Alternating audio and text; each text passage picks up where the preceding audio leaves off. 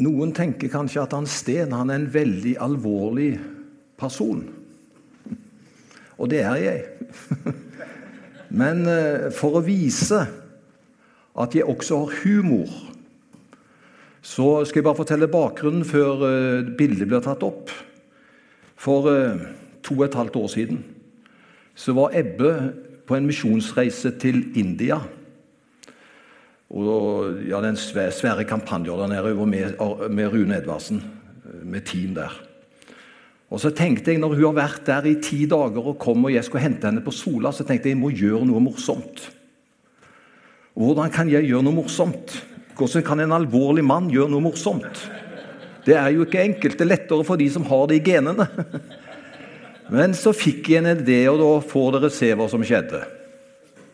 Jeg kom til Sola flyplass. Hadde med meg et skilt hvor det sto 'Tronsbevis', som dere ser, og hadde en veldig parykk på meg. Og Der står jeg, og disse herrene ute på Sola de begynte å se og lo og tenkte Hva er det? Og Da fortalte jeg eh, hvem jeg representerte, og de syntes det var veldig bra. Og så står jeg der, kommer de full fart ut og skal ta imot koffertene, så står jeg der med skiltet tronsbevis, og så får Ebbe se der meg. Og så ser dere da at hun hadde evne til å ta imot det. Ellers skal jeg hilse så mye fra henne. Hun, det går stadig bedre og bedre. For dere som ikke vet det, så, eh, så var jeg uheldig når, når, jeg hadde menighetsweekend på eh, Lundheim folkehøgskole. Det var noen øvelser, og så tror du ikke Hun gav så gjerne, du. At i en øvelse så falt du bakover, og så brekte du begge. Er det håndleddet, heter ikke det? Og operert begge to. Så det, var jo, eh, så det er tøft å være på leir. Han sa det, og vet du hva det står i, i diagnosen hennes? At det var 'lek under leir'.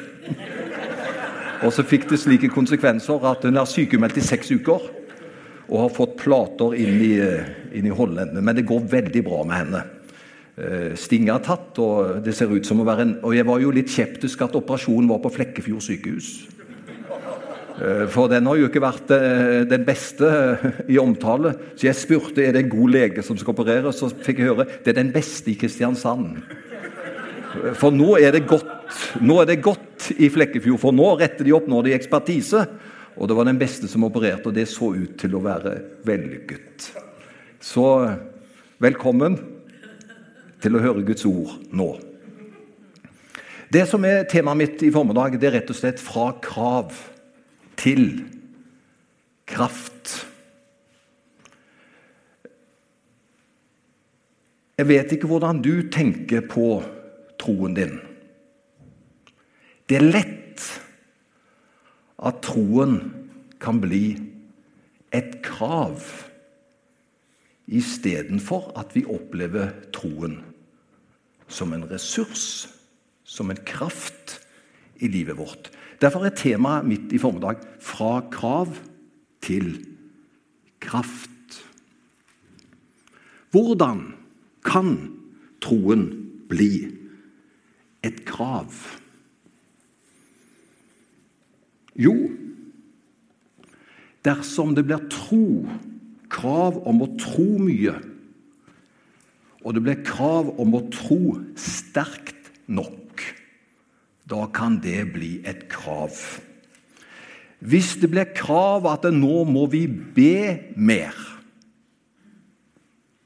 og det blir pisket opp noe rundt det, da kan noe så vidunderlig som bønn også bli et krav og rett og slett slås ned.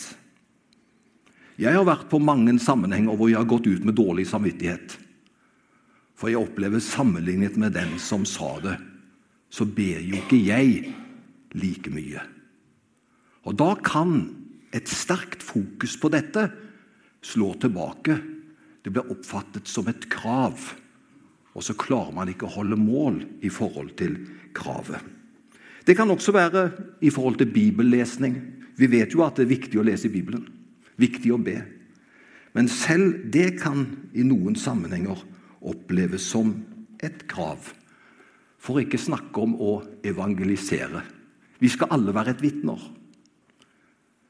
Men jeg har vel sagt det i en sammenheng når jeg underviste på kveldsbibelskolen her, og tok for meg de forskjellige nådegaver og fungerer de, så nevnte jeg dette med evangelisering.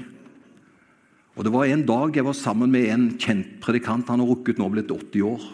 Noen har hørt han, og noen har ikke hørt han. Han heter Kjell Haltorp. Og han har en sånn en utrolig evangelistgave. Han bruker enhver anledning. Er han på en bensinstasjon, så går han gjerne inn. Og Ikke bare kjøper en liten ting, og så bruker han anledning til å vitne. Altså, han, han er ekstrem til det. Og Jeg var sammen med han en hel dag. Og jeg kan betro dere det, etter den dagen der så var jeg helt utslitt. For det er liksom ikke min frekvens å gjøre det slik som han gjør. Men vet du hva? Når han legger seg om kvelden, så er han inspirert han. For det er hans gave. Men hvis du ikke har den gaven og blir nesten oppfordret til å leve som om du har den gaven, da kan dette bli et krav. Skjønner du hva jeg mener? For den som har gaver, så er det en inspirasjon. Dette med å ha gaver Jeg tok bussen fra Stavanger opp til Bergen i februar og hadde en møtedag i en menighet oppe i Bergen en søndag. Og Vi reiste opp på fredagen, og jeg satt helt framme bak bussjåføren. Og jeg tenkte i all verden, jeg har aldri reist med en så hyggelig bussjåfør før. Han tok så imot passasjerene og, og lagde en sånn godt miljø i bussen. Så jeg måtte spørre han og jeg nærmet meg Bergen. Du, jeg har aldri sett en så hyggelig bussjåfør før, sa jeg til han. Tusen takk, sa han. Har du kjørt lenge? Jeg har kjørt over ti år, sa han. Men egentlig ville firmaet at jeg skulle administrere, sa han. Men jeg passer ikke til å administrere, jeg, sa han. Jeg passer best å være bussjåfør. Og så sa han noe. For Da kjørte han fra Stavanger opp til Bergen, og så skulle han ta ruta tilbake igjen. Og det var en lang dag for han. Og vet du hva han sa? Han bor nede på Jæren. Jeg blir mer inspirert når jeg setter bussen fra meg og er ferdig med dagen, enn når jeg starter dagen. Da skjønner vi det han har gjort, og gitt masse inspirasjon. Når du har en gave, en utrustning, da tapper det ikke. Det gir faktisk talt inspirasjon. Men hvis man bruker det som et mål på alle andre, så blir det tunge krav. Kravene er der, men jeg innfrir dem jo ikke. Jeg holder ikke mål. Og det blir slitsomt. Du, det er ikke lett å bli glad i et krav. Du kan ikke finne hvile i et krav. Står det ikke noe sted at disiplene skulle vente i Jerusalem inntil de ble ikledd krav fra det høye? Nei, det står det ikke. Men det står at de skulle vente i Jerusalem inntil de skulle bli ikledd kraft fra det høye. Og det er noe helt annet. Men her ligger det to muligheter hvor en kan oppleve det kristne budskapet i Bibelen enten som krav eller som kraft. Da skal vi få neste bilde.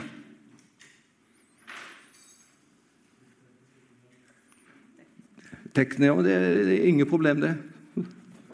Da skal jeg bare si jeg hva som Hvordan evangeliet kan bli et krav. Det er når man hører evangeliet, men så fortsetter man ikke å leve i syndenes tilgivelse. Hvis man hører evangeliet, men fortsetter som om ikke evangeliet har fått gjort sin gjerning i oss, og vi lever i evangeliets tilgivelse, da blir evangeliet et krav. For da får vi høre det, men så tenker vi med det samme vi har hørt det etterpå Hva må jeg gjøre for å fylle det opp? Og så blir det et krav. Vet du hva? Det har egentlig Om vi ser hvor grensesprengende evangeliet er, for hvis det ikke leves i syndenes tilgivelse For når vi lever i syndenes tilgivelse, da er vi fri. Men hvis vi ikke ser det, da blir det et krav. Men da ser det akkurat neste bilde. Hva er det som skal til for at det ikke skal bli et krav, men et kraft? Jo, med syndenes forlatelse. Med syndenes tilgivelse. Da blir evangeliet med og løfter oss opp. Det finnes jo vel ikke noe mer som gir oss frihet og glede enn evangeliet? og hva Jesus har gjort for oss. Det setter oss jo ikke i en kravsammenheng. Du er jo tilgitt. Du er fri, du har fått opplevd syndenes tilgivelse. Og når vi kan gå ifra et møte med Jesus som har gitt oss syndenes tilgivelse, vet du hva? Da er vi fri. Da er det kraften som styrer oss, og ikke kravene. Hadde vi klart oss på egen hånd og i egen kraft, trengte ikke Jesus sendt oss sin kraft. Han kunne bare sagt til disiplene, slik som vi sier til ungdommen når de reiser ut av huset vårt. Ta vare på dere selv og gjør så godt dere kan. Dere har kraft nok i dere selv. Men det sa ikke Jesus. Tenk om han hadde sagt til Thomas, Peter og Johannes og alle de andre Tenk om han hadde sagt Ta vare på dere selv og prøv, gjør så godt dere kan. Da hadde de fort havarert. Men han sa ikke det. Men han sa dette fantastiske dere skal få kraft. Den hellige ånd skal komme over dere, og dere skal få oppleve min styrke og mine muligheter i deres liv. Og Da har jeg noen skriftsteder å legge merke til, bortsett fra 1,8. Se de andre i kapittel 4 i apostlenes gjerninger. I Apostelens gjerninger 1,8 så sier jo Jesus at dere skal få ikke krav, men dere skal få kraft i Den hellige ånd kommer over dere.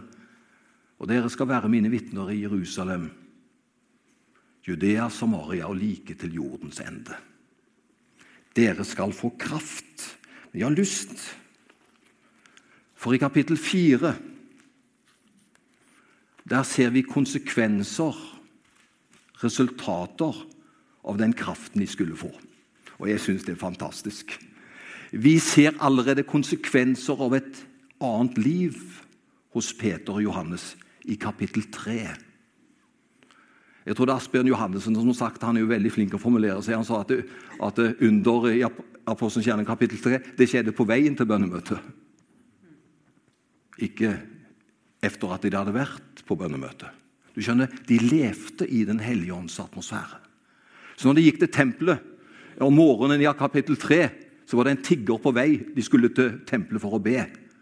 Og så skjer altså under på vei til bønnemøtet. Da blir det sterkt, ikke sant? Når det skjer også på veien dit. Altså, vi lever livet. De fikk kraft. Og Du kan ikke tro det er samme person som han som fornektet at han kjente Jesus. Du kan ikke tro at det er samme person som sovna på bønnemøtet. Som hogg av øret til en soldat. Du kan ikke tro det er samme person. Nå er det Peter som ikke går på egne ressurser og ikke lar de menneskelige tingene styre ham. Vi opplever hvordan Den hellige ånd har fulgt ham, og bruker ham og disponerer ham sammen med de andre der. Det er spennende å se. Og Så går vi da til kapittel 4, så ser vi hvordan denne ikke kraven, men kraften er i funksjon. Da har de blitt fengsla etter den helbredelsen som har skjedd. For dette er jo en trussel hos de offisielle, hos de religiøse. Så de ble putta i kasjotten. Og neste dag så ble de tatt til forhør. Og så står det i vers 13.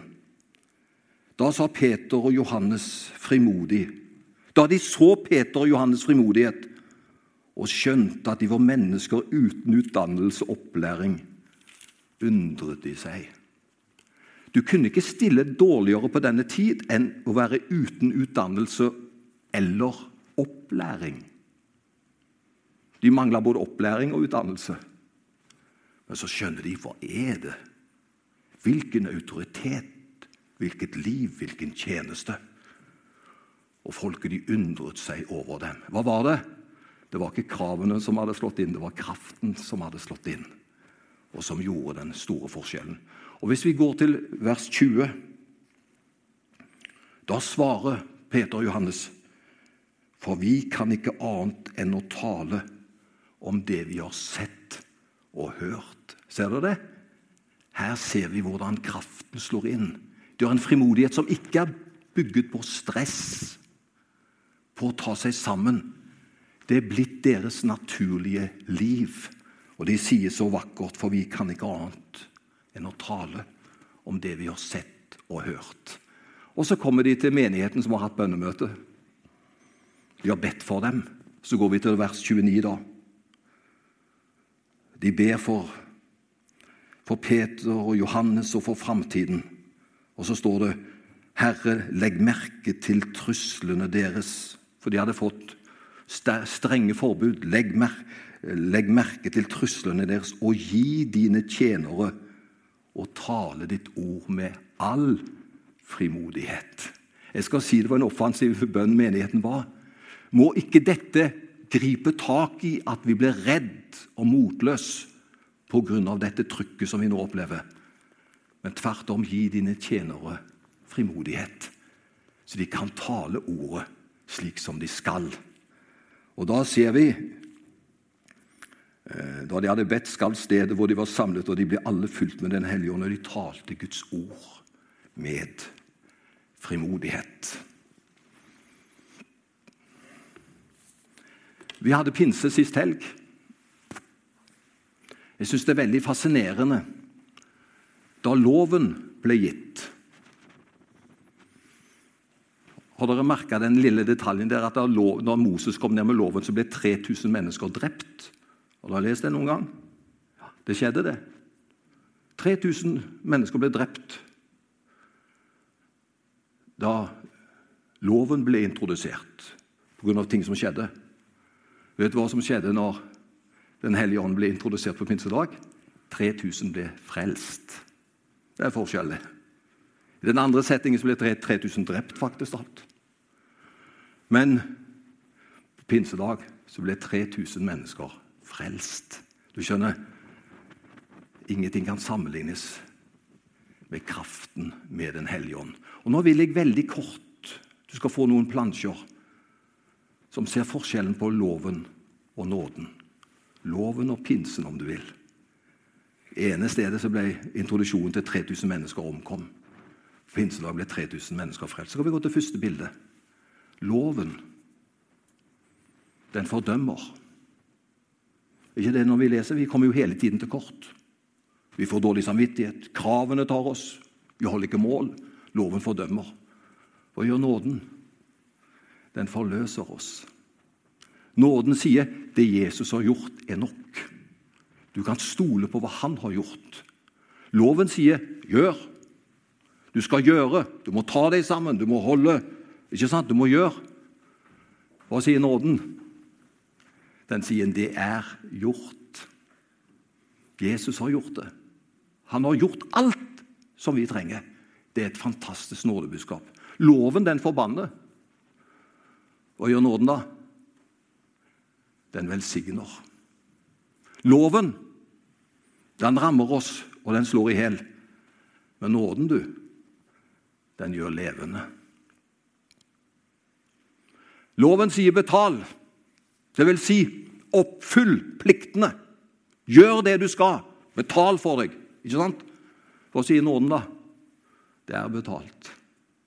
Jesus har gjort det. Vi har ingenting å stille opp med når det gjelder betaling. Han har gjort det. Og jeg synes Det er så fint det som jeg noen gang har sagt når vi har nattvær. Da sier jeg at nattverden er ikke et spleiseselskap. Da kommer vi på husets regning. Han har betalt det. Og dette her trenger vi å få inn i livet vårt. For det er så lett å bli lovisk. Det er så lett å få en så streng tro at vi mister gleden og inspirasjonen. Vet du hva? Det er betalt. Loven den åpenbarer synd. Og Det kan være viktig å få se at ting skal endres i vårt liv. Så visse ting her er jo også bra, men hvis det bare åpenbarer noe Og det ser vi i den gamle pakt. Det kunne ikke hjelpe oss.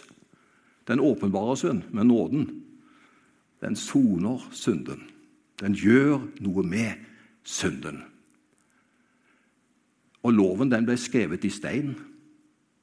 Han kom jo ned med steintavlene. Men nåden er skrevet i våre hjerter. Vi har fått det her inne. Vi merker bare det at det lever her. Det er et liv.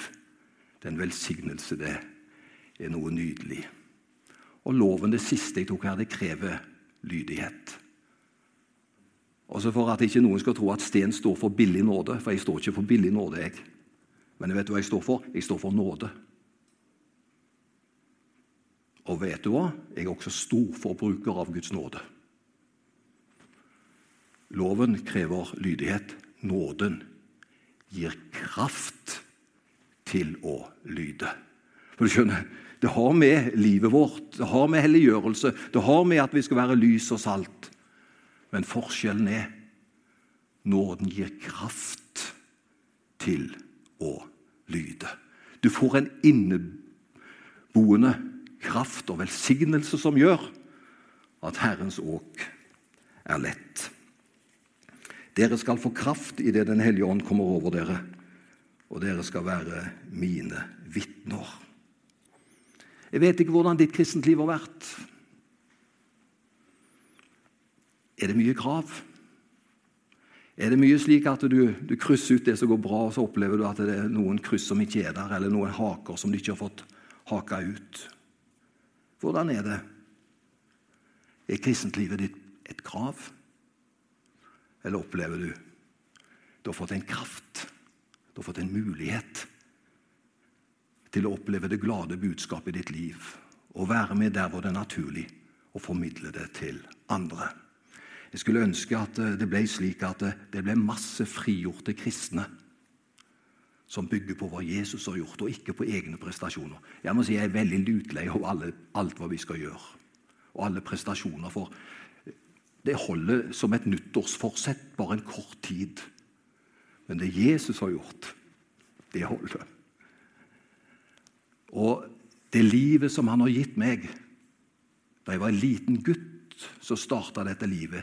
Det har holdt, og jeg er overbevist om det skal holde inntil jeg skal få møte han igjen for det bygger på hva han har gjort. Ha en fin dag. Lev ikke under krav, men under kraften. Skal vi be sammen?